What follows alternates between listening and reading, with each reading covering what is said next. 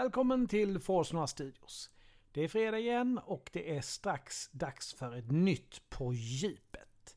Men innan det så vill jag säga att eh, resterande två veckor av juni månad 2022 blir inte riktigt som vanligt. Nästa vecka så kommer ett helt annat rollspel, Cyborgen, som vi spelar. Det blir ett ganska långt avsnitt men det var väldigt roligt eh, att spela in det.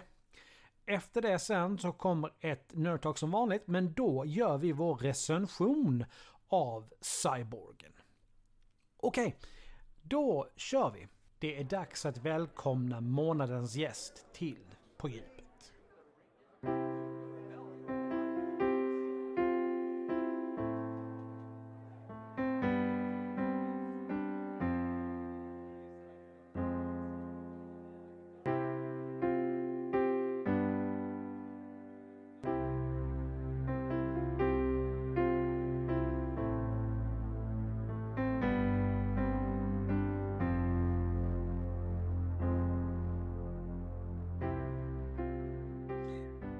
Välkomna till ett nytt På djupet. Idag så ska jag snacka meningen med livet med Magdalena. Välkommen Magdalena. Tack så mycket. Kul att få vara med. Jättetrevligt att du vill vara med. Det är, det är svårt att få gäster till det här programmet tyvärr. Men innan vi drar igång det här, vem är du? Vi kan väl börja så här, liksom, var kommer du ifrån, hur gammal är du? Jag är uppväxt i en skog som heter Häckeberga och ligger i Skåne. Och eh, vad var den andra frågan har jag redan glömt. Hur gammal du är? jag är 32 år gammal. All right. Ja. Så vad gör du när du inte sitter här och pratar med mig på Zoom? Det första svaret är väl vad man jobbar med. Det är ju tydligen mm. viktigt att berätta. Och då jobbar jag som eh, medicinsk massageterapeut. Mm. Så äh, jag knådar folk, jag tar hand om folk och har hittat den passionen. Mm. Att hjälpa. Jag hade behövt det här häromdagen, det kan Peter inte. Jag hade så ont i liksom, nacken på väg ut med skuldrorna så det var helt sjukt. Ja. Man mm. kan behöva lite knådning. Så sånt, sånt tycker jag om. Jag tycker inte om när mm. folk har ont, men jag tycker om att mm. hjälpa folk. Ja, men det är väl någonstans det det grundar sig i, liksom att man vill hjälpa folk bli av med smärtan. Och hjälpa dem hjälpa sig själva. är en mm. viktig faktor. För... Hur, hur menar du då? Då menar jag att en, eh, om en kund kommer och vill att jag ska lösa deras problem så blir mm. det inte bra. Därför att man behöver hitta vad kan jag göra själv. Ja, var någonstans det uppstår egentligen. Och, och, ja, men det kan ju vara, ja. precis, precis. Det är så många fler saker än bara en smärta. Så mm. jag försöker hjälpa personen att se det. Se mm. helheten och våga möta den smärtan. Så det är ett fantastiskt spännande yrke. Mm. Absolut. Så det sysslar jag med. Ja. Hur upptäckte du att du var bra på det, att det var det du ville göra? Jag har nog alltid fascinerats liksom av, av helande berörning. Vad händer? Och jag har nog alltid tyckt att, eller tyckt, ja men förstått hur, hur viktig närhet är. Hur mm. viktigt förtroende är mellan människor. Eh, vi är väldigt rädda för att röra varandra. Det är ju en mm. väldigt sexuellt laddad grej och det behöver det inte alls vara. Så det är ju liksom en eh, fundamental grej vi människor behöver för att må bra. Mm. Och eh, när jag gick, eh, det var, det var en fantastisk kvinna jag mötte i Berlin som hade en massagekurs. Och henne blev jag ju helt förälskad i. Alltså hon var ju en sån klok, en sån fin människa och då visste jag bara direkt, ja, den kursen ska jag gå. Och då, mm. det la grundstenen för att jobba med människor och få lära känna sig själv också. Vad händer när någon, när man vågar ta kontakt med en annan människa, vågar komma nära? Och det kan vi göra i olika former, så vi kan ju prata med varandra, det är det vi gör mest. Vi, pra- vi är väldigt verbala och mentala, men vad händer om jag lägger en hand på en axel? Mm. De börjar gråta och, och, och, hur så vackert det är. Och det har ju fascinerat mig nu i flera, flera år. Uh, hur, hur, hur, kan man skapa kontakt? Hur kan man skapa trygghet? Hur kan man hjälpa någon och känna sig själv? Ja, det är tusen grejer som mm. jag skulle kunna räkna upp, men uh, det är det. Mm. Alltså jag har ju en liten historia just när det gäller massage. det är så här, jag är ju gammal konfirmandledare också, när jag fortfarande bodde i Karlshamn, där jag kom det. Mm. Och eh, vid ett av de här tillfällena så hade vi en av våra, liksom, våra träffar som vi hade. Liksom, det var varje onsdagkväll, om inte jag minns fel nu. Och vid ett tillfälle så hade vi liksom bara en sån här grej att vi skulle massera varandra. Alltså vi parades ihop två och två. Mhm. Och eh, först så masserar den här tjejen som är väl, hon måste ju ha varit typ så här, liksom, åtminstone 10-12 år yngre än vad jag är. Masserade hon mig. Det för, först lite, så här, lite obekvämt, det var ju ändå liksom en stor åldersskillnad där någonstans. Mm. Liksom. Men ja, slappna av efter lite tag. Och sen byter vi plats då efter, vad vi höll på, 20 minuter. Och jag börjar massera henne. Och hon faller in i det här så fullständigt så hon stönar så jädra högt. Så att liksom vår konfirmandledare, hon fick liksom till, nu får du skärpa dig, får, får, får du deppa det här.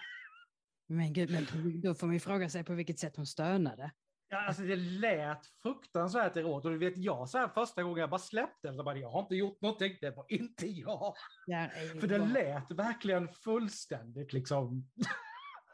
ja. Ett hel, allting i hela rummet bara stannade av, alla bara tittade. Jag bara, jag har inte gjort någonting, titta jag rör inte ens. Men är inte vi, är vi ju fruktansvärt otränade och röra vid varandra och det är ju ett Ja, fullt exempel. ja men nå, säg Helt opassande. ja, men här- säg i efterhand, kan jag bli liksom, har någon aldrig någonsin masserat henne? Eller liksom, Men hon kanske var så hänförd. ja. Av att alltså, det, en, en närvarande beröring liksom. ja. Så hon kunde inte hålla sig. Jag Ja. tyckte mest det är lite roligt. Jag hade tyckt hon skulle stöna på. Jo, fast det, just där det var liksom i, konf, liksom i konfirmand, alltså Ja, var ju inte riktigt Nej. rätt ställe. nej, nej. Nej, Att, så eh, kan nej, det bli. Verkligen. ja. Ja. Men det, är, nej, det, det, det, är en- det är en kul historia att ha med sig i bagaget någonstans. Ja, ja. Eh, Men okej, vi ska köra fem snabba här så folk får lära känna dig lite grann till innan vi kör. Ja. Film eller musik? Och då ska man ju svara snabbt också. Ja. Hur kan du, hur ska man, varför ska man välja mellan dem då? Ja det, är bara, det är bara några exempel. Liksom. Film eller musik, om du måste välja ett av dem snabbt. Musik. Sött eller salt? Salt. Vinter eller sommarsemester? S- Sommar. Eh, ljudbok eller eh, den vanliga boken? Den vanliga boken. Okej. Där har vi det. Ja. Nej, det var, det var bra början där. Knäpptyst. Ja. bara, Ja. oj. Här är någon som sitter och tänker för mycket. Ja. Mm, All right. Ja, men det är ganska talande i sig. Definitivt. ja. All right, i alla fall. Eh, vi ska ju prata om eh, meningen med livet. Vi försöker i alla fall. Mm. Alltså bara man hör den meningen, den Ja. är så klyschig. Den är ju fruktansvärt uttjatad. Så jag Mm. tror det varit så nice att ha en annan formulering. Men ja, det ska vi ta oss an. Det kanske vi kommer på lite. Mm. Ja, men det tror jag. Ja.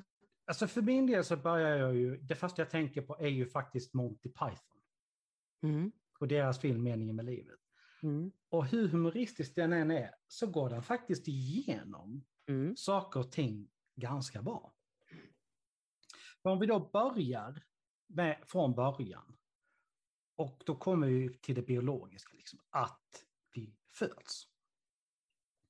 För det är ju ett resultat i början av ett möte mellan två personer Mm. som kanske där finner sin mening med livet, deras, sin samexistens. Mm. Vi ska börja där Ja. med det biologiska. Meningen med det biologiska, det är det du tänker på. Mm.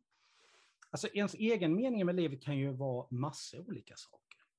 Men det biologiska finns alltid någonstans, någonstans där. Liksom det finns en drivkraft i alla. Hur, hur stark den kan vara hos olika personer är ju, en, är ju en helt annan sak. Men den finns där. Mm. Precis. Nej, men då tänker, jag, tänk, då tänker jag att du tänker på alltså livskraften i sig. Vad, vad är det som gör oss levande? Och det är ju det, alltså varför uppstår liv? Eller hur det Mm. blir levande? Eller tänker du mer på Det här är helt och hållet vad du tänker. vad jag Och tänker så pratar vi kring det. Jag har mina egna saker Ja. för in när det, när det behövs. Ja. ja, men vad bra. Du får Ja. säga till om jag Så det finns inga fel. helt fel spår. Nej, det finns inga fel. Det är det som är tjusningen. Speciellt när det gäller det här. Ja, men det är det första jag tänker på, den här mystiken med livskraften som forskare gärna vill hitta. Vad är det som gör något levande? Vad är det som driver en växt att växa? Vad är det som driver att vi kan skapa barn? Liksom hur, att det kan ens bli till?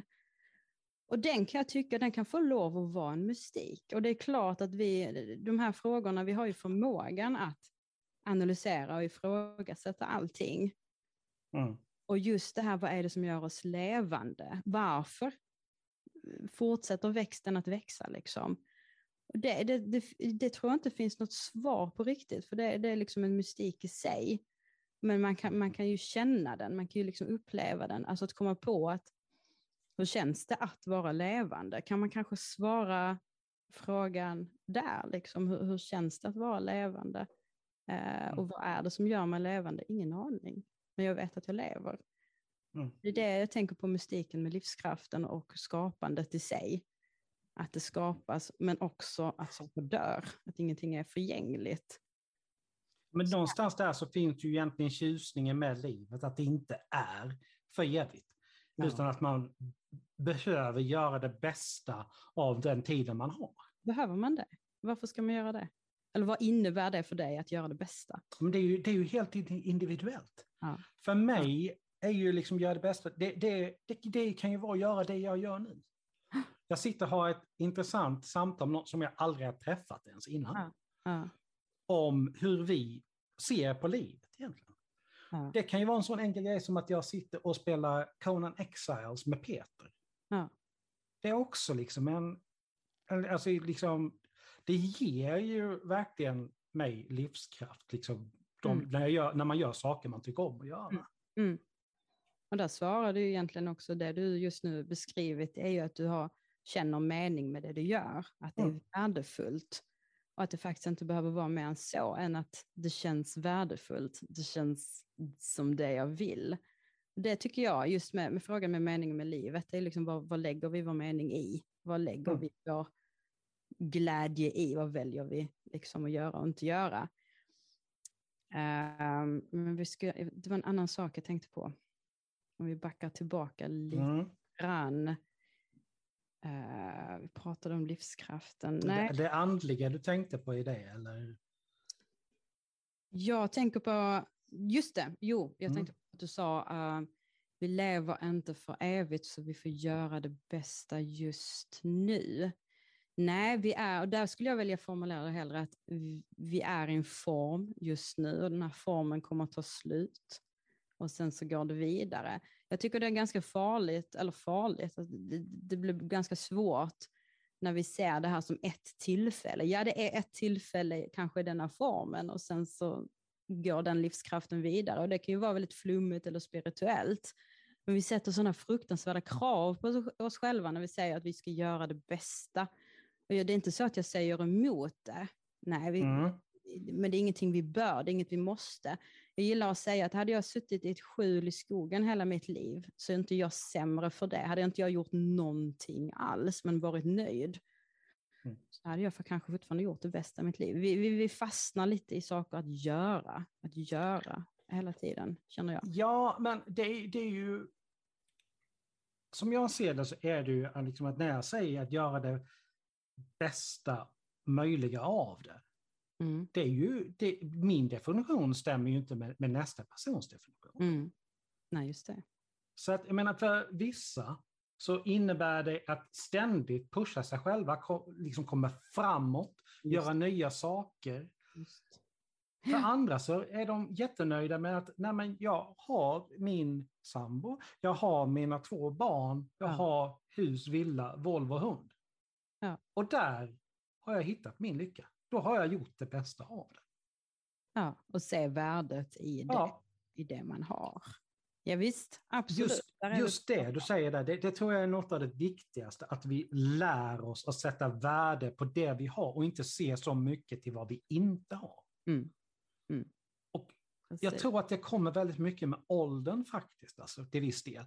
För att jag vet att min morfar, han sa ju det här liksom att han såg ju saker och ting väldigt mycket annorlunda från när han var 20 till Mm. liksom när han dog 80 plus. Mm, mm.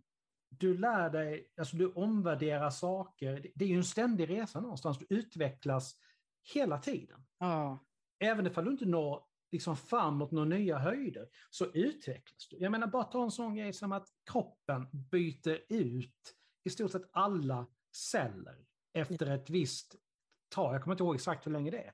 Men om vi säger två år senare så är inte du samma människa som du var. nej. Det är En- väldigt uppfriskande. Ja, nej, men det är en helt ny, bara Ja. rent biologiskt, en helt ny person egentligen. Och det är vi, jag tycker det är jättefint att du nämner det, just, just att eh, utvecklingen och få låta sig vara i rörelse. Anta nu med den med sambo och hus och villa, eller all, allt det där, är jättenöjd med det, men sen går det ju upp och ner, att all, låta också allting vara i rörelse, att inte försöka hålla fast. Alltså om min villa brinner ner så kommer jag bli olycklig, om min hund dör så kommer liksom jag blir olycklig. Vi kan inte hålla fast vid grejer. Jag tror det är viktigt att låta saker vara i rörelse. Mm. Och kanske bara ett experiment i livet, att man slutar värdera saker i bra och dåligt Mm. också. Utan bara låta det vara vad som det är. Och det säger jag säger inte att man ska acceptera dåliga grejer. Men eh, att det är en utveckling, du sa ju utveckling, alltså det är en utveckling i allt som händer. Och, och då kan man njuta i det på ett annat sätt när man inte försöker hålla fast vid saker. Nu kände jag att jag svävade iväg lite, men jag tyckte det Nej, det, bra jag tyckte det lät... Ja, det, jag kan, kan bara hålla med. utvecklingen, att allting är utveckling. Mm, nej, men jag kan bara hålla med. Mm. För det är ju, vi har ju, prat, jag har ju haft en diskussion vid något tillfälle liksom om att utvecklas som människa. Mm. För de allra flesta strävar ju efter att nå någonstans hela tiden. Det var Mm. någon som sa det, jag kommer inte ihåg vem det var, men som sa det liksom att vi har ju hela tiden den här strävan Mm. att komma någonstans. Mm. Och du ska, om du verkligen ska lära känna en person så ska du ju lära dig vad för drömmar den personen har. Mm. Det är så du lär känna en person bäst. Mm. Och det är så du motiverar barn i skolan. Mm. Fråga liksom inte, säg liksom, nej men nu ska vi göra matte. Fråga den här killen. Liksom, vad vill du bli när du, när du blir stor? Om jag vill bli astronaut? Ja, men då måste du ha matten för att kunna göra det här och det här. Så motiverar du folk. Mm. Just med den skolgrejen så, så bör ju det vara en belöning. Alltså detta är ju Mm. det, det ska vara en belöning att kunna matte. Det ska inte vara, vara ett krav liksom. Och det blir ju en belöning om man har en motivation. Mm. Absolut. Men sen så nämnde du i början eh, att vi strävar alltid, vi vill alltid nå någonting. Och där, den kan, tycker jag också kan bli lite farlig därför att om jag ständigt vill nå någonting så bekräftar jag hela tiden att jag inte har det på något sätt. Alltså det, det blir liksom, det kan också bli ett oändligt sökande som, Mm. som, som, som, som kan sätta fälleben för en. Den är lite svår. Jag säger inte att man inte ska ha drömmar, men jag tror det är lite två olika Mm. saker att drömma. Men om min dröm ska bekräfta den jag är, ska ge mig värde, då kan det bli att jag springer efter en morot hela livet och aldrig kommer fram. Och sen ligger man på dödsbädden och tänker, "Ja, men det var ju bra ändå. Så att, eh, ha drömmar, men som vi sa innan, också se värdet i vad som är nu. Ja. Det är ju också lätt hänt att man kanske har jättebra omkring sig och inte ser det och bara om jag hade det där, då skulle jag bli lycklig. Om jag uppnådde det, om jag hade det yrket, då jäkla skulle det vara bra.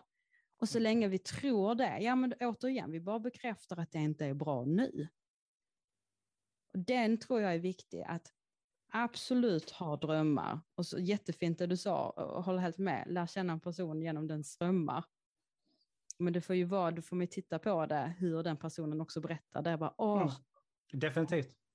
då, då, då blir det bra. Då blir allting bra. Liksom. Ja, men är det så dåligt nu?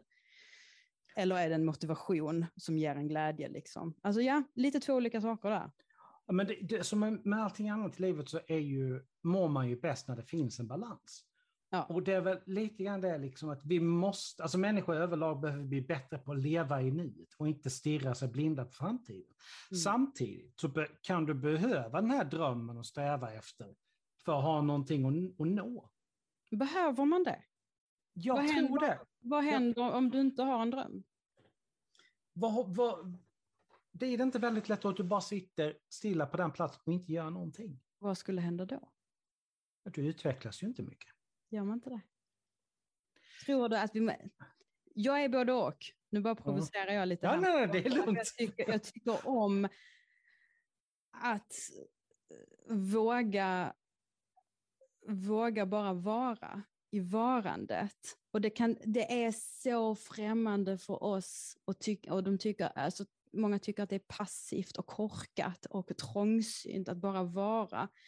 Men jag tror att i stillheten, i stillheten så kan vi se på riktigt och känna på riktigt runt omkring oss. Och sen kommer det som man vill manifestera i livet göra det av sig själv ändå. Jag behöver inte sträva särskilt mycket, men som sagt, jag säger inte att man ska vara passiv och bara, nej men nu ska jag sitta här och stirra rakt in i väggen så får det hända av sig själv. Absolut inte.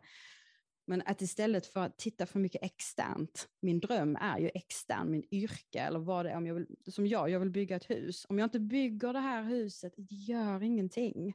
Men jag vill ju bygga det, liksom, till exempel, för att ta ett exempel från mig själv. Mm. Men eh, jag tror ändå det är viktigt att våga ibland vara tyst inombords och låta sig bara vara och lita på att utveckla sig av sig själv. Om vi kan ju bara titta på växterna, de tänker inte, de strävar inte efter en dröm. Ändå kan de växa till skogar, till landskap. Om vi tittar på en flod, hur blir en flod till? En flod blir till genom bara sin blotta existens. Den gör ingenting genom floden och vattnets kropps, alltså kroppsvikt, sin egna vikt. Mm. Det är därför de blir de former som de får, genom sin blotta existens. Jag tror vi behöver, jag tror vi behöver minska på strävandet, pushandet. Jag ska framåt, jag ska nå. Wow, backa lite, reducera lite, hinna känna in och låta det manifestera av sig själv. Och det är ju, ja, nu pratar jag jättelänge här.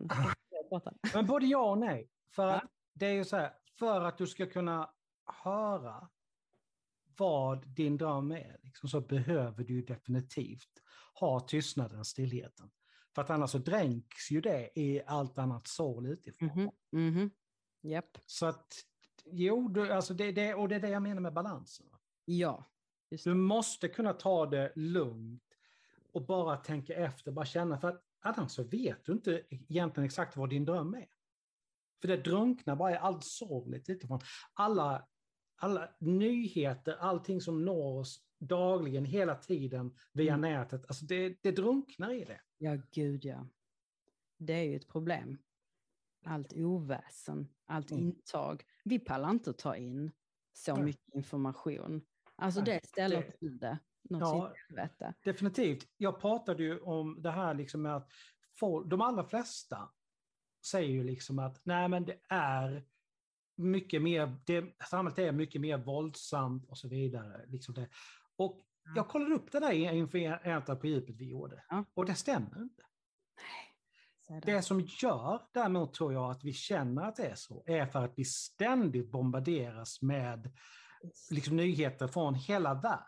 För det som hände i Kina når Mm. Sverige 20 minuter senare. Mm.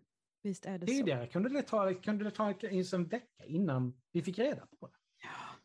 Ja, det är en skrämmande makt, Mm. median. Det, det, det, det är fruktansvärt läskigt därför det påverkar ju människor så snabbt kollektivt och skapar oftast osanna bilder. Nej, men det blir, ju, det blir ju en kollektiv rädsla. Pandemin är ju ett praktfullt exempel. Och kriget, nu ska vi inte gå in på det, men ja, Mm. det, det, det blir bara tokigt och det är nog rätt svårt att, att reducera. Man får ju själv liksom skärma av, men då blir man ju kallad för att man sticker huvudet i sanden. Och där kommer vi tillbaka till balansen. Vilken Mm. information vill jag ta in och, och göra det medvetet? Är det här sant nu, tvn säger? Att orka, jag tror det handlar mycket om att orka eh, ifrågasätta källor och media. Det orkar man ju inte. Det är mycket lättare att bara titta och ta in, ja nu är det si, nu är det så. Men det är ju Facebook ett praktexempel på. Ja. Ingen kritiserar ju på något sätt liksom var informationen på Facebook kommer ifrån. Nej. Jag har ju fått flera gånger där saker som jag har trott var sant och det visar sig att nej, det stämmer inte. Men du, det, det, det är inte bara Facebook, utan det, är det kan ju... Nej. Inte nämna Nej, nej, någon men det är bara just Facebook, för det är ett liksom sånt, tv-kanaler. ja, nej, men alltså det är ett sånt praktexempel Facebook just på, Ja, på hur fel det kan bli. ja, i en väldigt stor mängd. Alltså det är Ja. ju kvantitativ information som bara... Ja, personligen har jag gjort så, liksom, jag tittar på nyheterna en gång per dag. För jag orkar inte med all, liksom, all, all, alla krig, all skit som händer. Jag orkar inte. Nej. Och det handlar ju inte om att du är ignorant eller inte inkännande, utan det kan ju vara att det blir, det jag antar att du känner, det blir liksom för mycket känslor och medlidande Ja, och hjälplöshet. Alltså det är oftast Mm. det. Men hade man kunnat så hade man ju stängt av ett krig om, om man kunde, liksom. men det kan vi inte. Vi kan göra mycket annat, men, men att plåga oss med nyheter, både, ja, både och. Man får göra det medvetet, för det är viktigt att veta, men det är också viktigt att vara, vara rädd Mm. om sig själv. Och se hur det påverkar en. Mm. Visst är det så. Ja. Mm. Ja, det där var ja, ja, det är väldigt intressant. ja, Men om vi ska titta lite mer på det biologiska igen. Ja, Tillbaka dit. Eh, avrunda den. ja, Det är ju någonstans, de allra flestas meningen med livet om man tittar på det ur en biologisk är ju någonstans att föra arten vidare. Skaffa barn. Det är, de, det är så de flesta ser på. Det är ju en drivkraft som finns biologiskt inkodad. ja. Och då blir bara min första fråga Lisbeth, hur ser du på det? Jag tycker det är ganska irrelevant idag. För, för det första är vi inte en art som behöver producera så mycket mer. Där kanske jag låter lite radikal. Att vi bör skaffa barn, bör skaffa vidare. Nej, nej. Där är ett ansvar som, som vi inte, jag känner är så relevant idag alls, utan vi är mycket djupare än så att vi kan välja, vill jag ha ett barn? Kan jag, kan jag ta hand om ett barn? Vill jag att det här barnet ska, ska leva i den här världen? Alltså det blir de frågorna idag istället. Och eh, det kan man ju bli bemött på olika sätt och särskilt som, som 30-årig kvinna så borde jag ha varit gravid för länge sedan och jag har ju inga barn och det är ett val jag har gjort liksom. Jag har ju inte haft i åtanke att jag ska föra rasen eller föra arten vidare alls. Inget ansvar över det. Jag tror inte alls den frågan är relevant längre. Alls. Mm. Eh, därför vi har också en överpopulation på jorden. Så att vi lider liksom ingen nöd. Jag undrar om det var det. Mm, du var fast nu blir jag lite grann, eh, alltså, så här, lite djävulens advokat här. Ja, Det är inte det är inte problem vi har i Sverige egentligen. De problemen finns ju väldigt långt härifrån egentligen. Så varför ska vi bry oss om det? Jag vill vara väldigt noga med att det det är inte så jag, Nej, jag nej, tycker nej, nej, nej. personligen. Jag vill bara Nej. liksom... jag Mm, jag vill bara dra frågan. Så varför ska vi här i lilla Sverige, som har så liten på, in, inverkan på planeten jämfört med många andra länder, varför ska vi behöva bry oss om det? Bara för att vi har en liten påverkan på världen behöver, betyder det inte att vi ska ta mindre ansvar.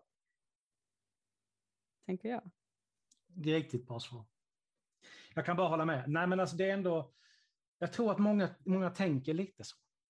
Någonstans liksom att det, det är lätt liksom att fastna i det här, ja men vad kan lilla jag göra?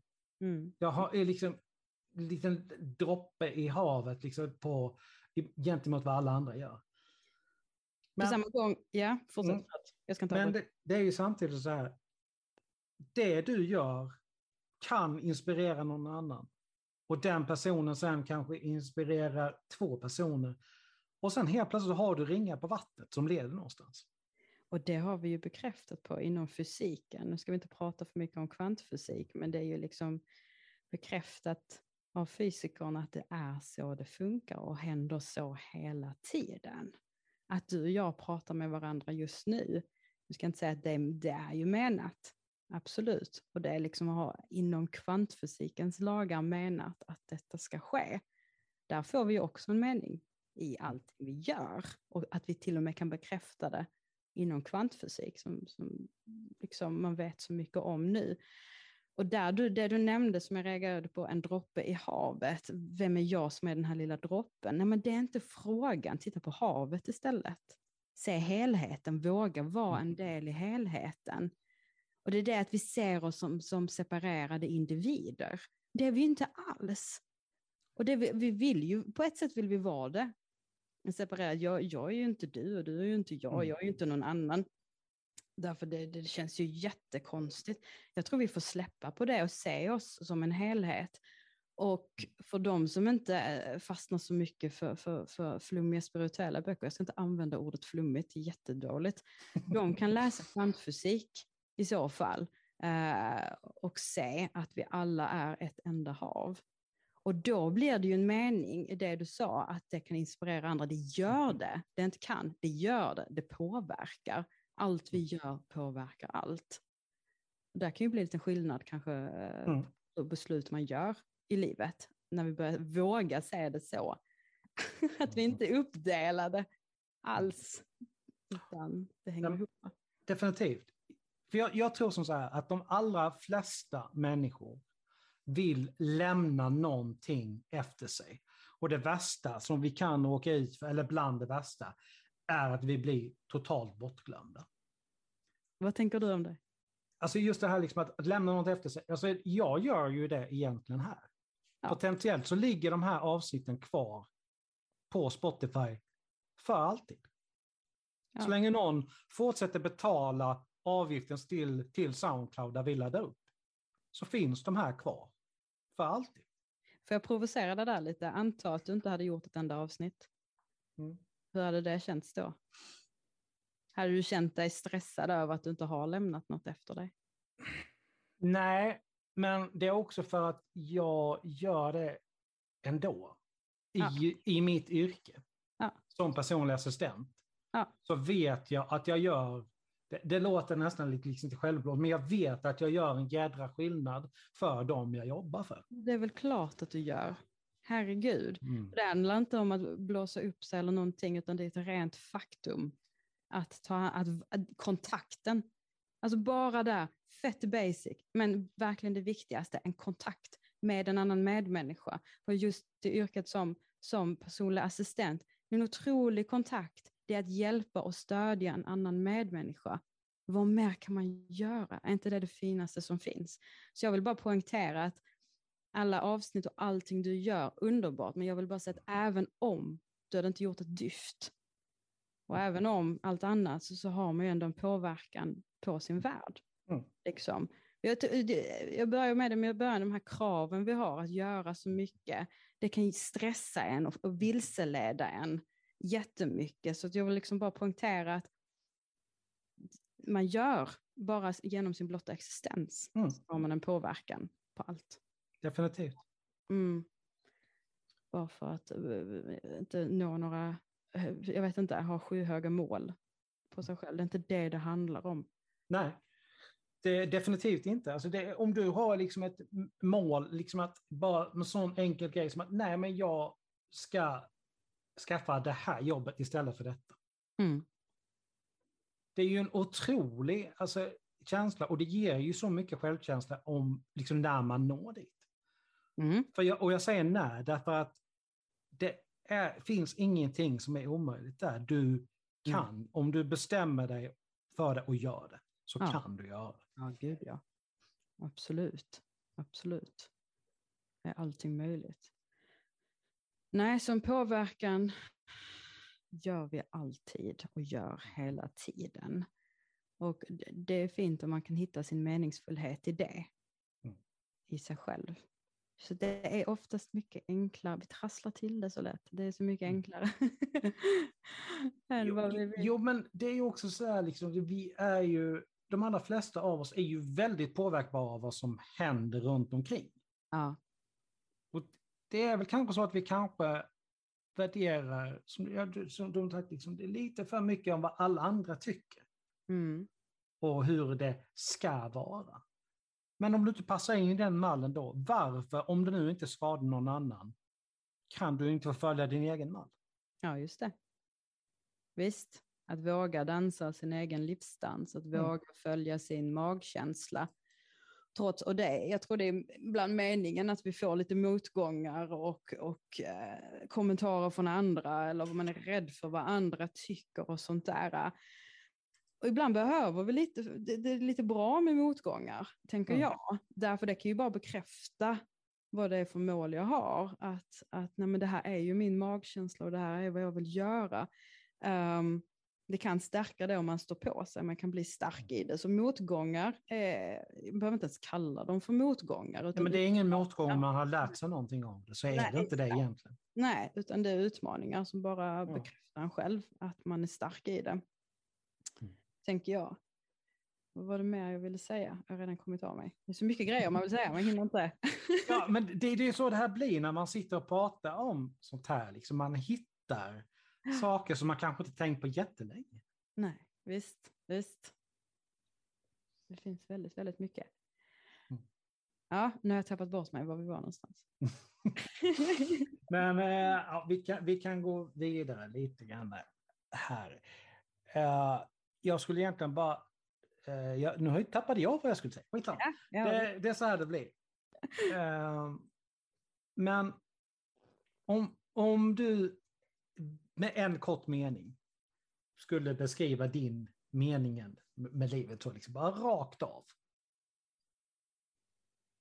Med en kort mening. Nu sätter min hjärna igång här, den analytiska hjärnan. Och det är just i sådana här tillfällen man ska låg, låta, låta magkänslan prata. Precis, det är lite grann det jag... och sätta, sätta ord på det. Min mening med livet. Att varandet, medvetenheten, det är bara de två orden som kommer upp nu. Det blir ju ingen mening alls. Nej. När du har de två orden, spinn vidare där.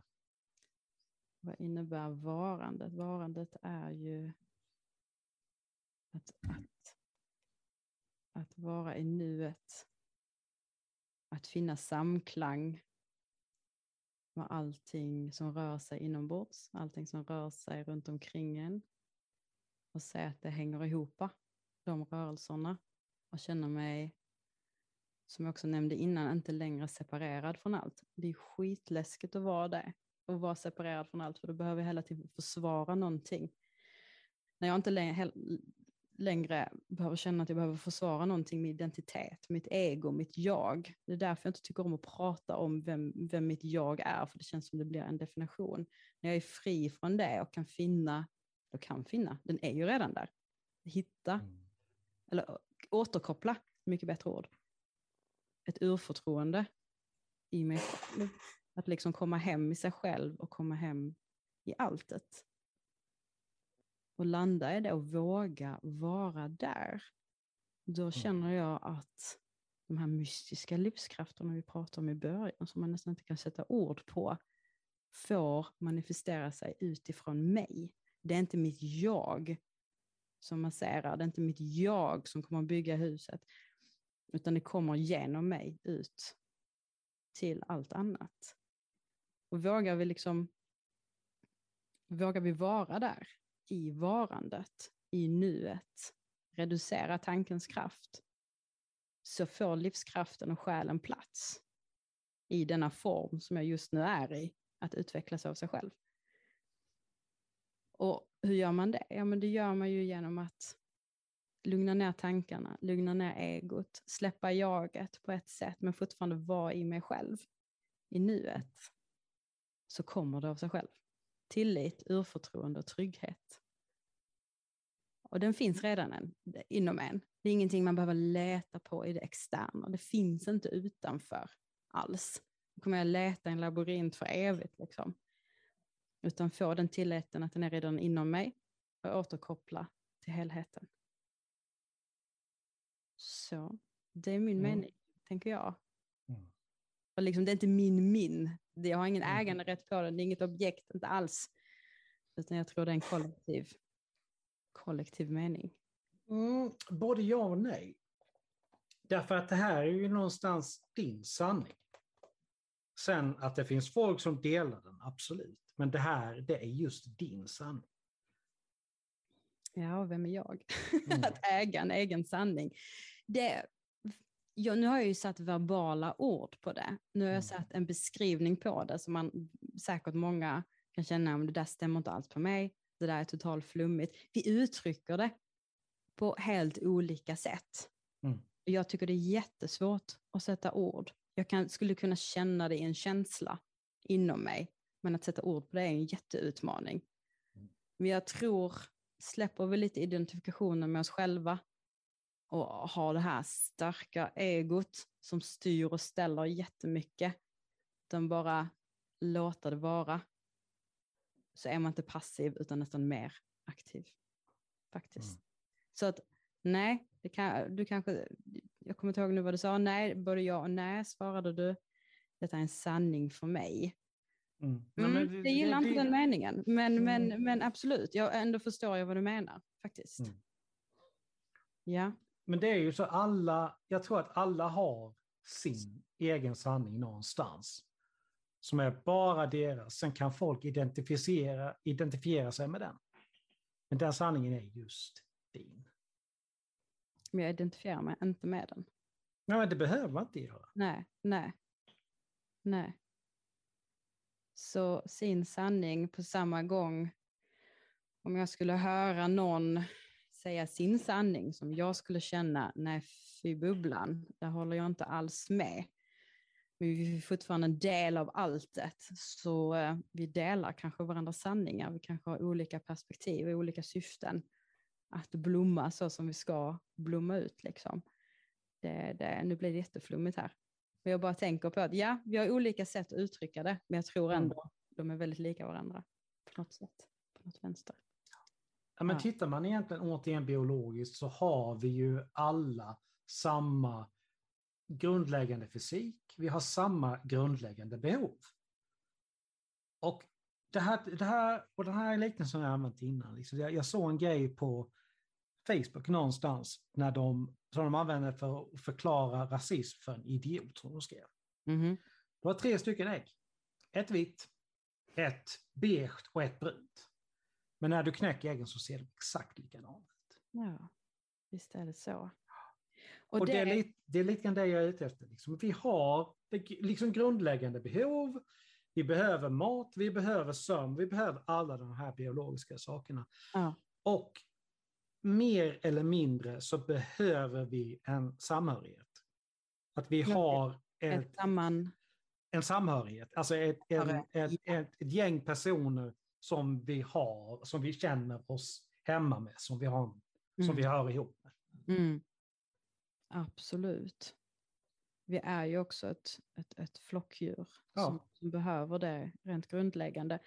Och vad som händer där med de äggen, när det bara ligger de äggulorna där och alla ser likadana ut, det kan man ju översätta med att se sig själv i en annan. Ja. Ena äggulan ser den andra äggulan.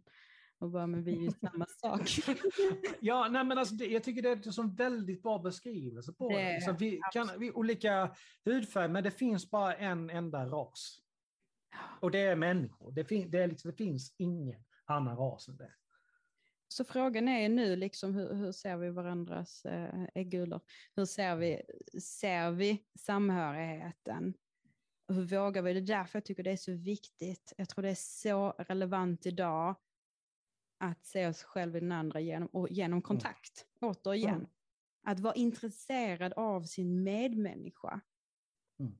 Ha ett intresse för den. Och det, det är inte självklart. Och nu jobbar ju du, både du och jag i omhändertagande yrken. Så liksom bara, men det är klart du hjälper en annan.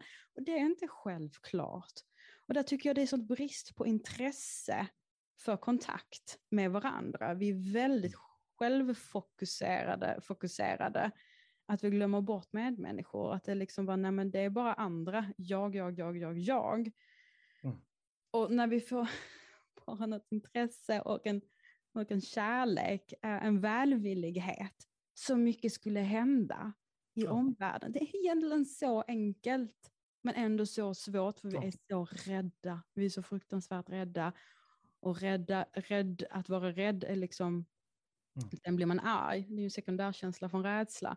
Så om vi bara vågar erkänna, jag vill ha samhörighet med andra människor. Jag vill känna trygghet och kärlek med andra människor. Jag vågar också visa det gentemot mina medmänniskor. Där skulle hända jättemycket. Och redan där har vi ju meningen. Mm. Tänker jag.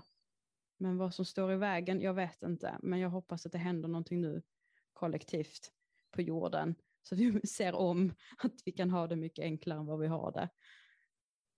Faktiskt. Så samhörighet, väldigt viktigt ord. Som du sa. Mm. Jag tycker det där är ett perfekt avslut för det här eh, avsnittet. Ja. Tack så jättemycket för att du ville vara med. ja, tack för att jag fick vara med. Supertrevligt, superfint. Och till er som har lyssnat så hoppas jag att ni har fått ut någonting av vårt samtal. Vi är tillbaka med ett nytt på djupet om en månad. Tills dess, ta hand om er så hörs vi snart. Hej då!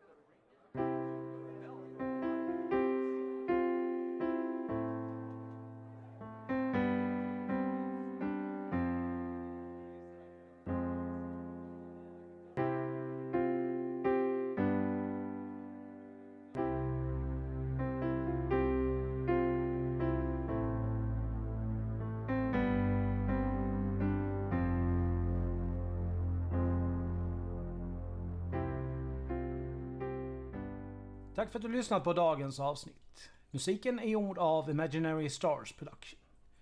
Följ oss gärna på sociala medier. Vi finns på Facebook, Force Noir Studios, Twitter, at Studios Golfstreck Noir, Instagram, Force Noir Studios och där skrivet som ett ord.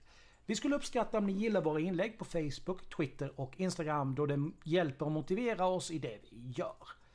Vi har även en mail där ni kan nå oss gmail.com Även där Forsnora Studios skrivet som ett ord. Ta hand om er så hörs vi snart igen. Stay tuned!